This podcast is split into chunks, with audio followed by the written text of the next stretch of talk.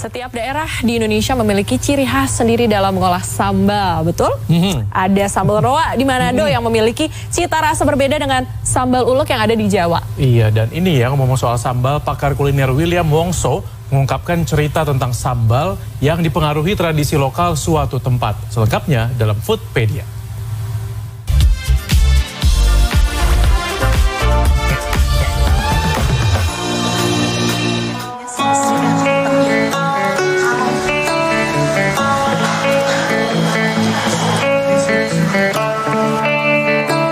Begitu dilahap, langsung mengguncang lidah.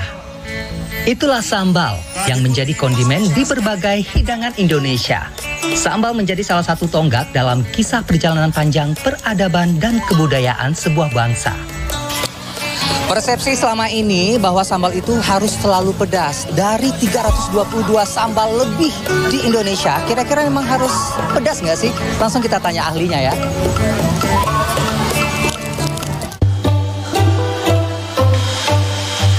Identik dengan rasa pedas dari cabai, ternyata rasa pedas pada sambal dahulu diperoleh dari jahe.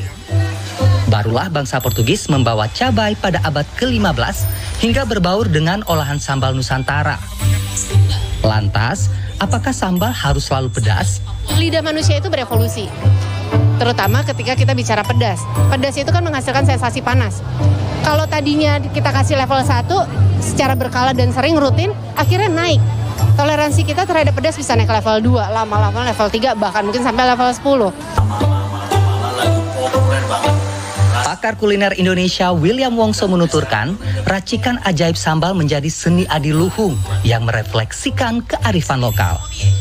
Ada yang bersifat pelengkap, ada pula yang menjadi lauk seperti sambal tempe dan sambal udang Aceh.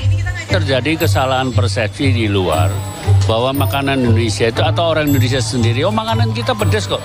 Padahal makanan kita pedas kan dari sambalnya ter di luar. Cabenya nggak banyak makan Indonesia itu kan nggak pedas, cuma ditambah sambal.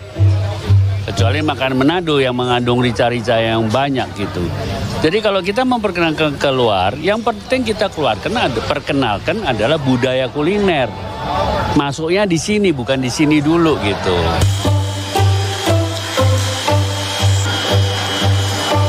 Bila sambal tak pedas, apakah masih bisa disebut sambal? Jawabnya, ya.